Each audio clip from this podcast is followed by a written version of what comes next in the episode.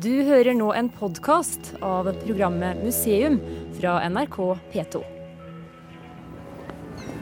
Eh, Den åpner først klokka 11. Det er om fem minutter. Ja, da kan vi- vi bare gå rundt her i den nordtyske tåka og fryse så lenge.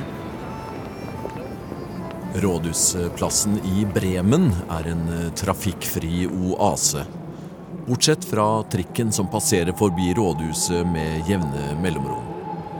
Ellers er alle kjente tegn på en Hansa middelalderby, med rådhus, Mariakirke og domkirke i kjernen av byen.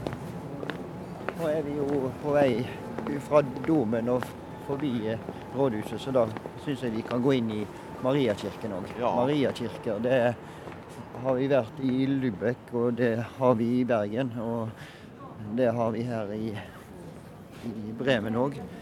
Vegg i vegg med rådhuset.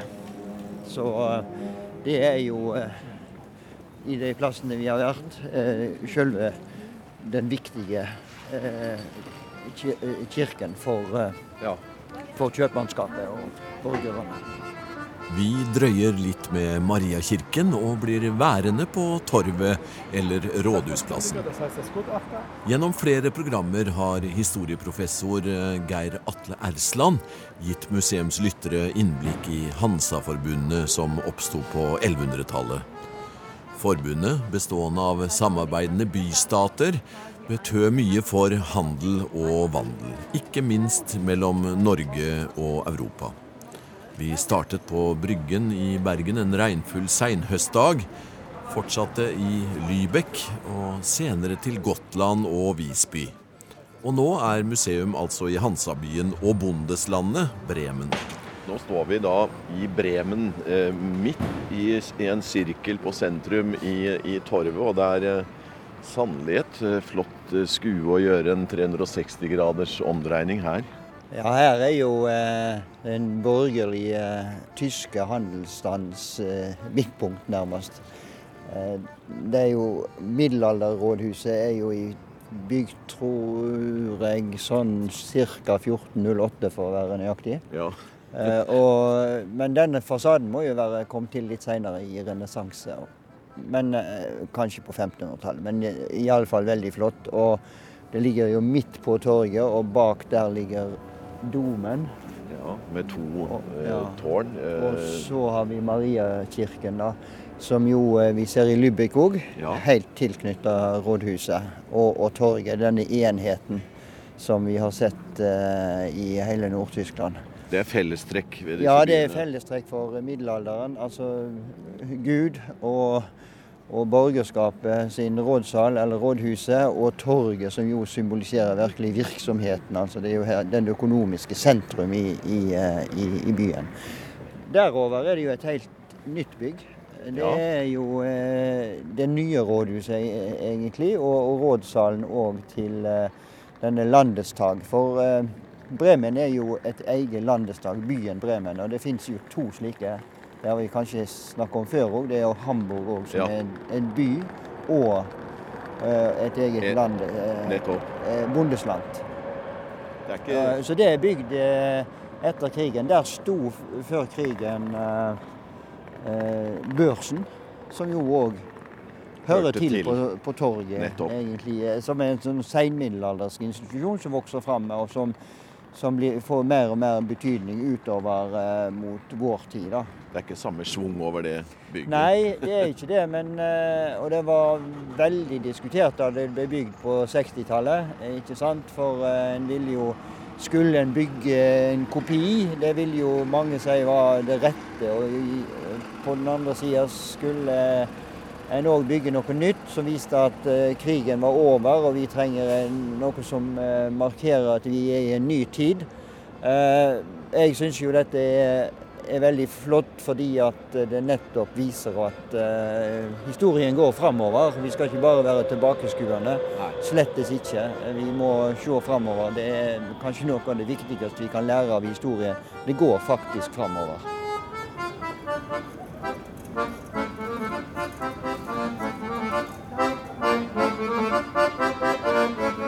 Det er gatemusikanter nærmest på hvert hjørne på torvet i Bremen.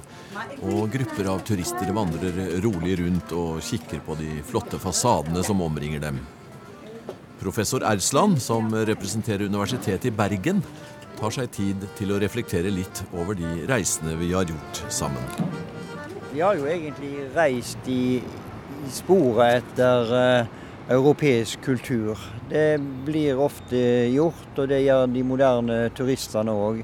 De besøker de museene og ser eh, monumentene og kunstverkene og de berømte plassene og bygningene rundt omkring. Men vi har fulgt et litt annet spor. Vi har fulgt eh, borgeren fra middelalderen og kjøpmannen fra middelalderen og varene hans. og hans, hans, verden, eh, den delen av vår felles kulturhistorie, kan vi si, som, som kanskje ikke ofte er et tema for uh, turister, men som uh, jo er en veldig viktig del av å forstå det moderne Europa som vi uh, lever i i dag òg.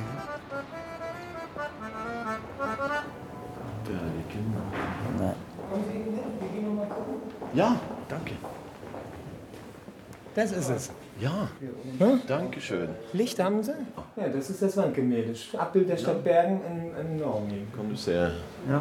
i folk når vi kan bruke lys fra Det er jo noe i Bergen der, da. Den eh, fuktige, kalde nordsjølufta har stjålet eh, varmen fra kroppene våre, og vi søker tilflukt i Ratskeller Bremen, restauranten i kjelleretasjen i rådhuset.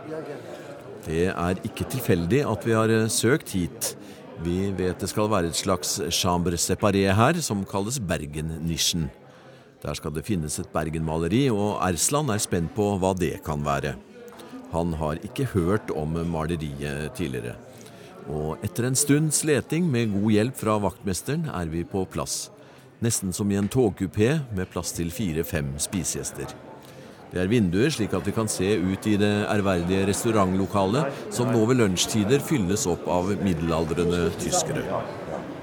Dette, jo, eh, dette må jo være en nytt abbild av Stad Bergen i Norge, står det òg på norsk. Eh, og så er det bildet over Ja, altså over der er det et hode, og det er noe forsyner meg den der eh, han fiskeren fra Tidemanns tobakk. Sant? Med sydvest og greier. Og så er det da ser vi Rosenkrantztårnet. Eh, og så ser vi Bryggen. Og de som har laga dette, har jo ikke vært så veldig i nærheten av Bergen. Sakariasbryggen og Nykirken ser vi. Så de har prøvd å restaurere et eh, Eller rekonstruere et bylandskap. som liksom tar oss med tilbake dels til middelalderen og dels til 1800-tallet. Og dels litt her og litt der. Så det er litt forskjellig. Interessant. Det, det, er jo en fortolkning av eh, en historie, det òg. Og antageligvis er dette da laga her for å, for å, vise tilbake til de hansiatiske røttene i Irland.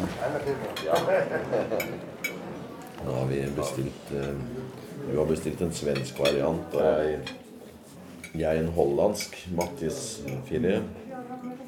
Sild finnes eh, nær sagt på alle restaurantmenyer i Nord-Tyskland. Og sammen med rugbrød og løk smaker det fortreffelig. Også her vi sitter i det intime Bergenkammeret i Ratskeller Bremen. Bergen og Lybekk er eh, tradisjonelt det vi tenker omkring hanseatene og Norge. Men forbindelsen til Bremen er kanskje enda mer fremtredende. Den moderne fortellingen som vi i dag har om hansiatene og Bergen eh, spesielt, eh, knytta til Bryen, eh, da er det jo slik at det blir guidene snakker om hanseatene i Tyskland, så er det referert til Lübeck.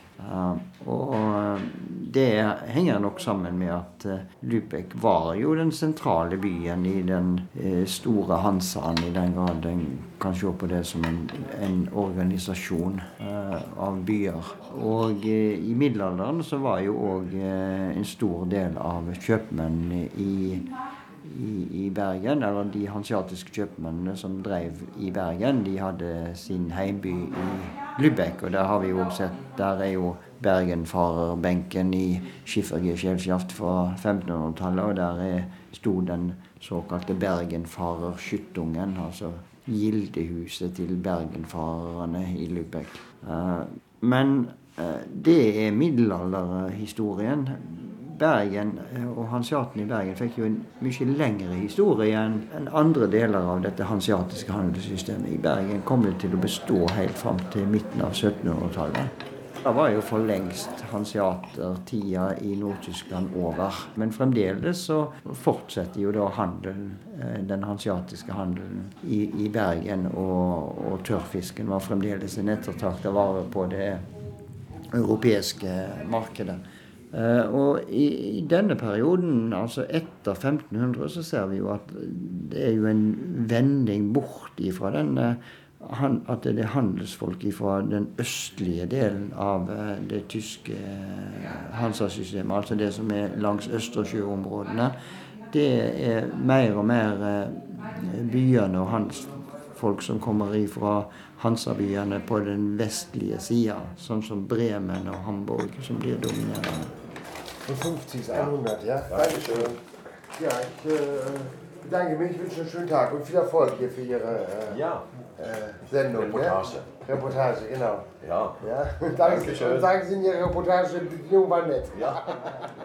Vi sitter i Bergenrommet i Ratskeller i Bremen. Regninga er gjort opp med den hyggelige servitøren, men vi blir sittende litt til.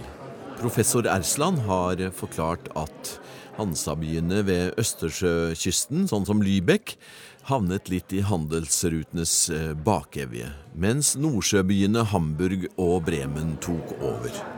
I, i middelalderen har det vært to handelsruter som har dominert eh, fjernhandelen, eller langdistansehandelen, i eh, Europa. Det ene er et øst-vest-system som følger Middelhavet fra Orienten mot Oksidenten. Eh, mens i, i, nord der er det et tilsvarende som har fulgt eh, rutene fra Østersjøen, fra det russiske området og ut Østersjøen og i, gjennom Kattegat og ut i, eh, i eh, Nordsjøen og mot England. Eh, men det som skjer jo nettopp rundt 1500, er jo de store oppdagelsene. Verdenshandelen snur på en måte. For å komme seg til Asia, rundt Afrika, og kontakten med og den handelen som følger med oppdagelsen av Amerika, det, det forandrer hele det store bildet av dette. Og vi får en nord-sør-linje. Og, og, Derfor så blir òg vestkysten av Nordsjøområdet mye mer dominerende. Eh, og, og når vi da ser på hvem som handler i Bergen på 1600-tallet. Det er bremere som dominerer nærmest totalt. Når vi òg ser den bryggen i dag, som jo er gjenbygd etter bybrannen i 1702, så er det jo bremerske borgere og handelsfolk som har stått bak det. Så, sånn offisielt og arkivmessig, og alle de offisielle papirene som blir skapt, det kommer det havner i Lübeck. Derfor så er jo Lübeck-arkivet òg veldig viktig for historien. Men så er det slik, og det er det nesten ingen som vet særlig om, kanskje noen av de mest interessante arkivene for Hansiaten i Bergen, de ligger her i Bremen. Så er det her eh, den store skattkista for de som virkelig vil studere den enkelte hansiatiske kjøpmannen som har hatt kontakt med den bryggen som vi i dag ser i Bergen, og som står på Unescos verdensarvliste.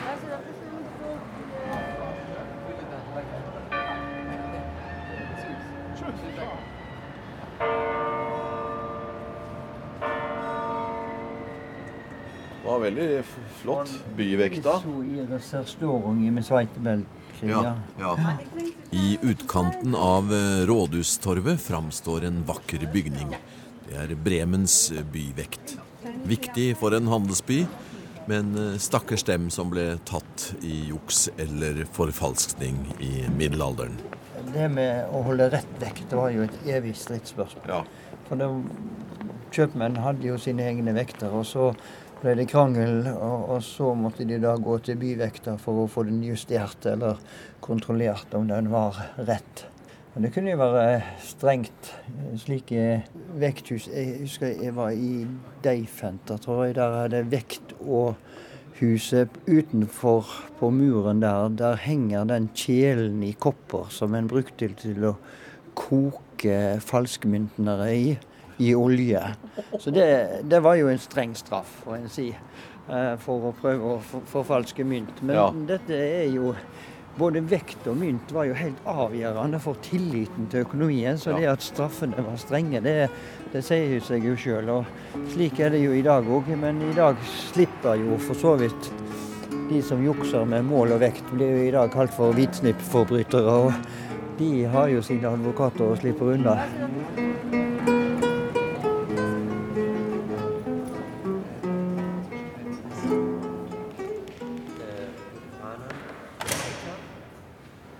Pussig kirkerom, fordi det er jo et ved siden av som er like Ja, det er to-tre skip, men det er et hovedskip, og så er det to sideskip.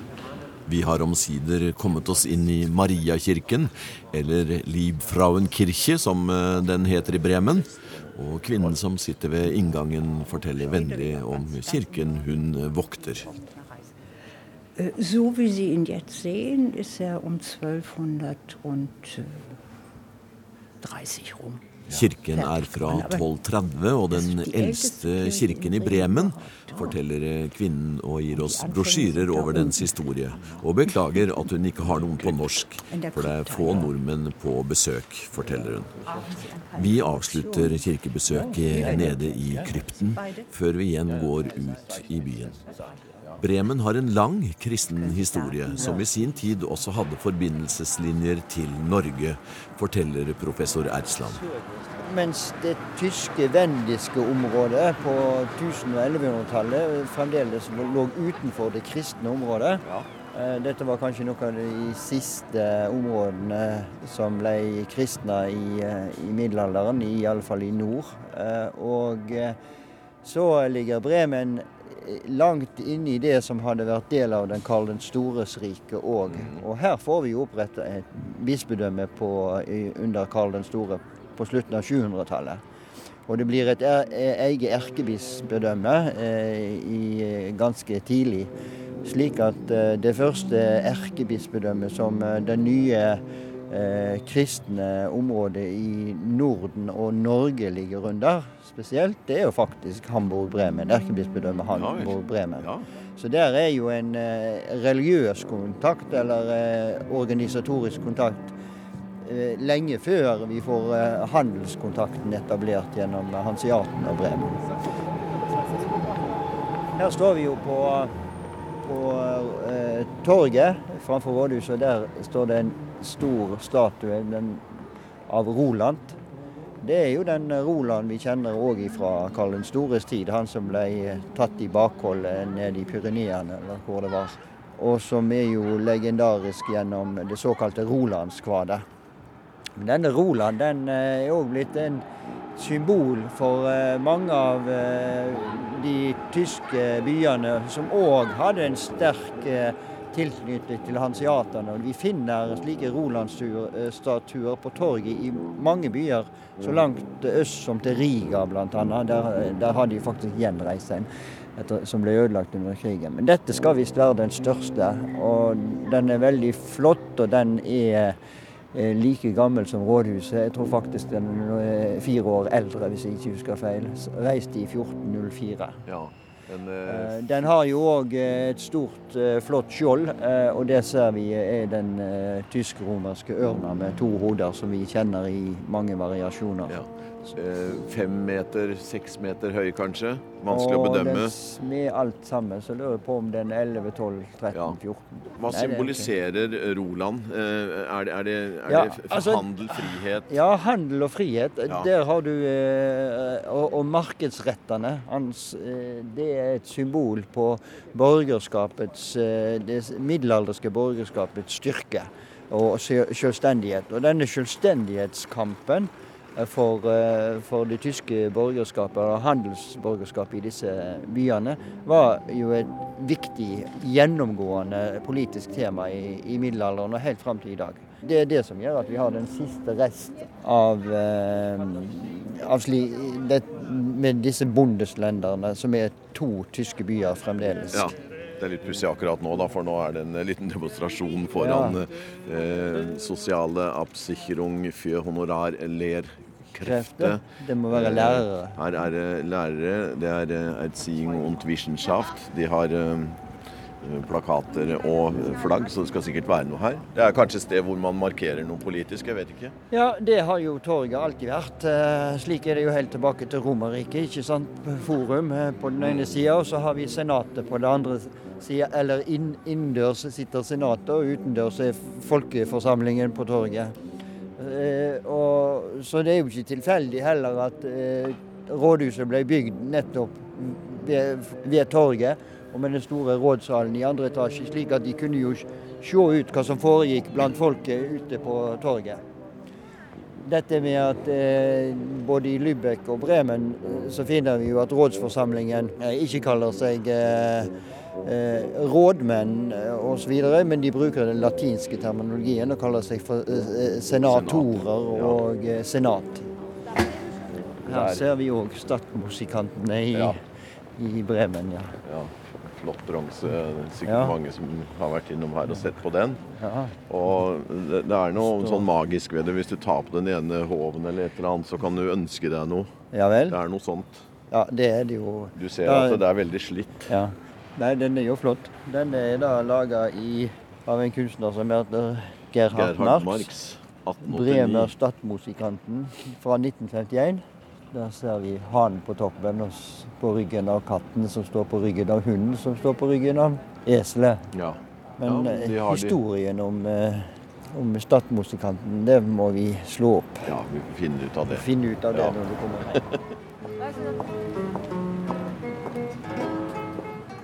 Gitarspillet til eh, gatemusikanten vi hører nå, bidrar til et fint og mykt møte med Bremen. Rådhuset som vi står ved, er vakkert og tilhører verdensarven, så det er ingen grunn til å reise forbi denne Hansabyen. Tvert imot.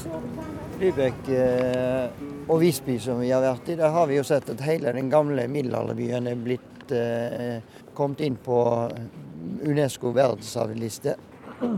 På samme måte som Bryggen i Bergen, den samme lista. Og i Visby der skjedde jo det i i 1995. Eh, nå er Bremen òg på eh, verdensarvlista, men da er det bare rådhuset og torget og denne dette området, ja. som, som, er innskrevet på lista. Ja. Det tror jeg skjedde i 2004.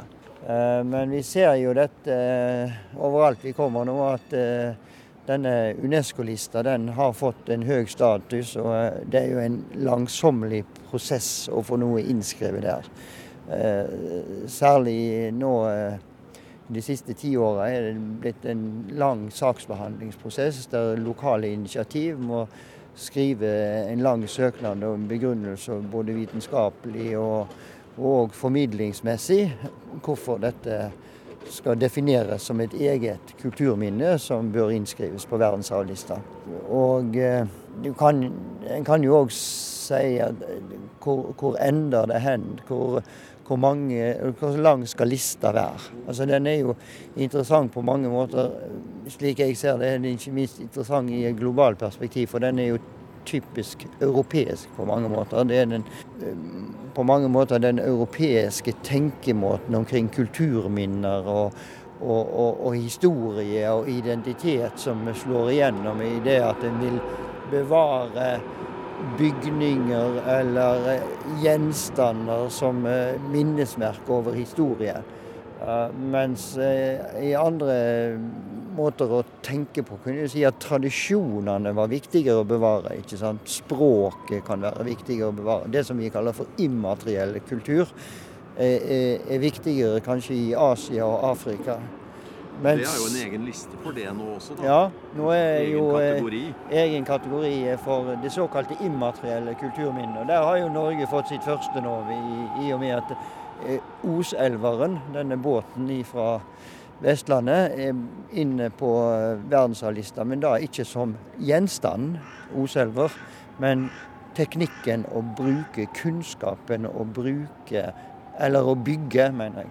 Mm. Kunnskapen om å bygge en Oselver. Det er ja. det som er innskrevet på lista. Og det begynner allerede med uttak av materialene? Ja, det, det, da skal en kjenne alle deler av prosessene, og en skal dokumentere at dette er videreføring av eh, gamle tradisjoner, som òg skal begrunnes ut ifra at det er viktig å ta vare på dem, på samme måte som det er viktig å ta vare på for arkivarer å ta vare på dokumenter. For dette tilhører vår felles historie.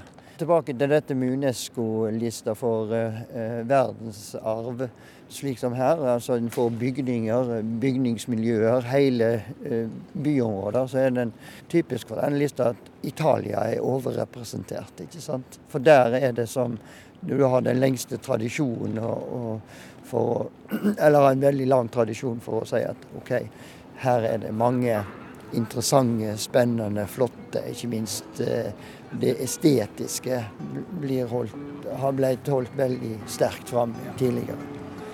Med en gang vi beveger oss ut fra det som vi oppfatter som en gammel historisk by, så kommer vi ut i ei gate vi kan se på husene. Disse er jo stort sett nye, men bak her har det bare vært ruiner etter andre verdenskrig.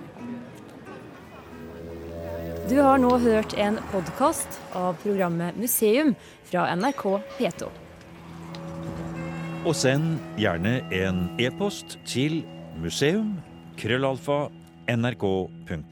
nrk.no.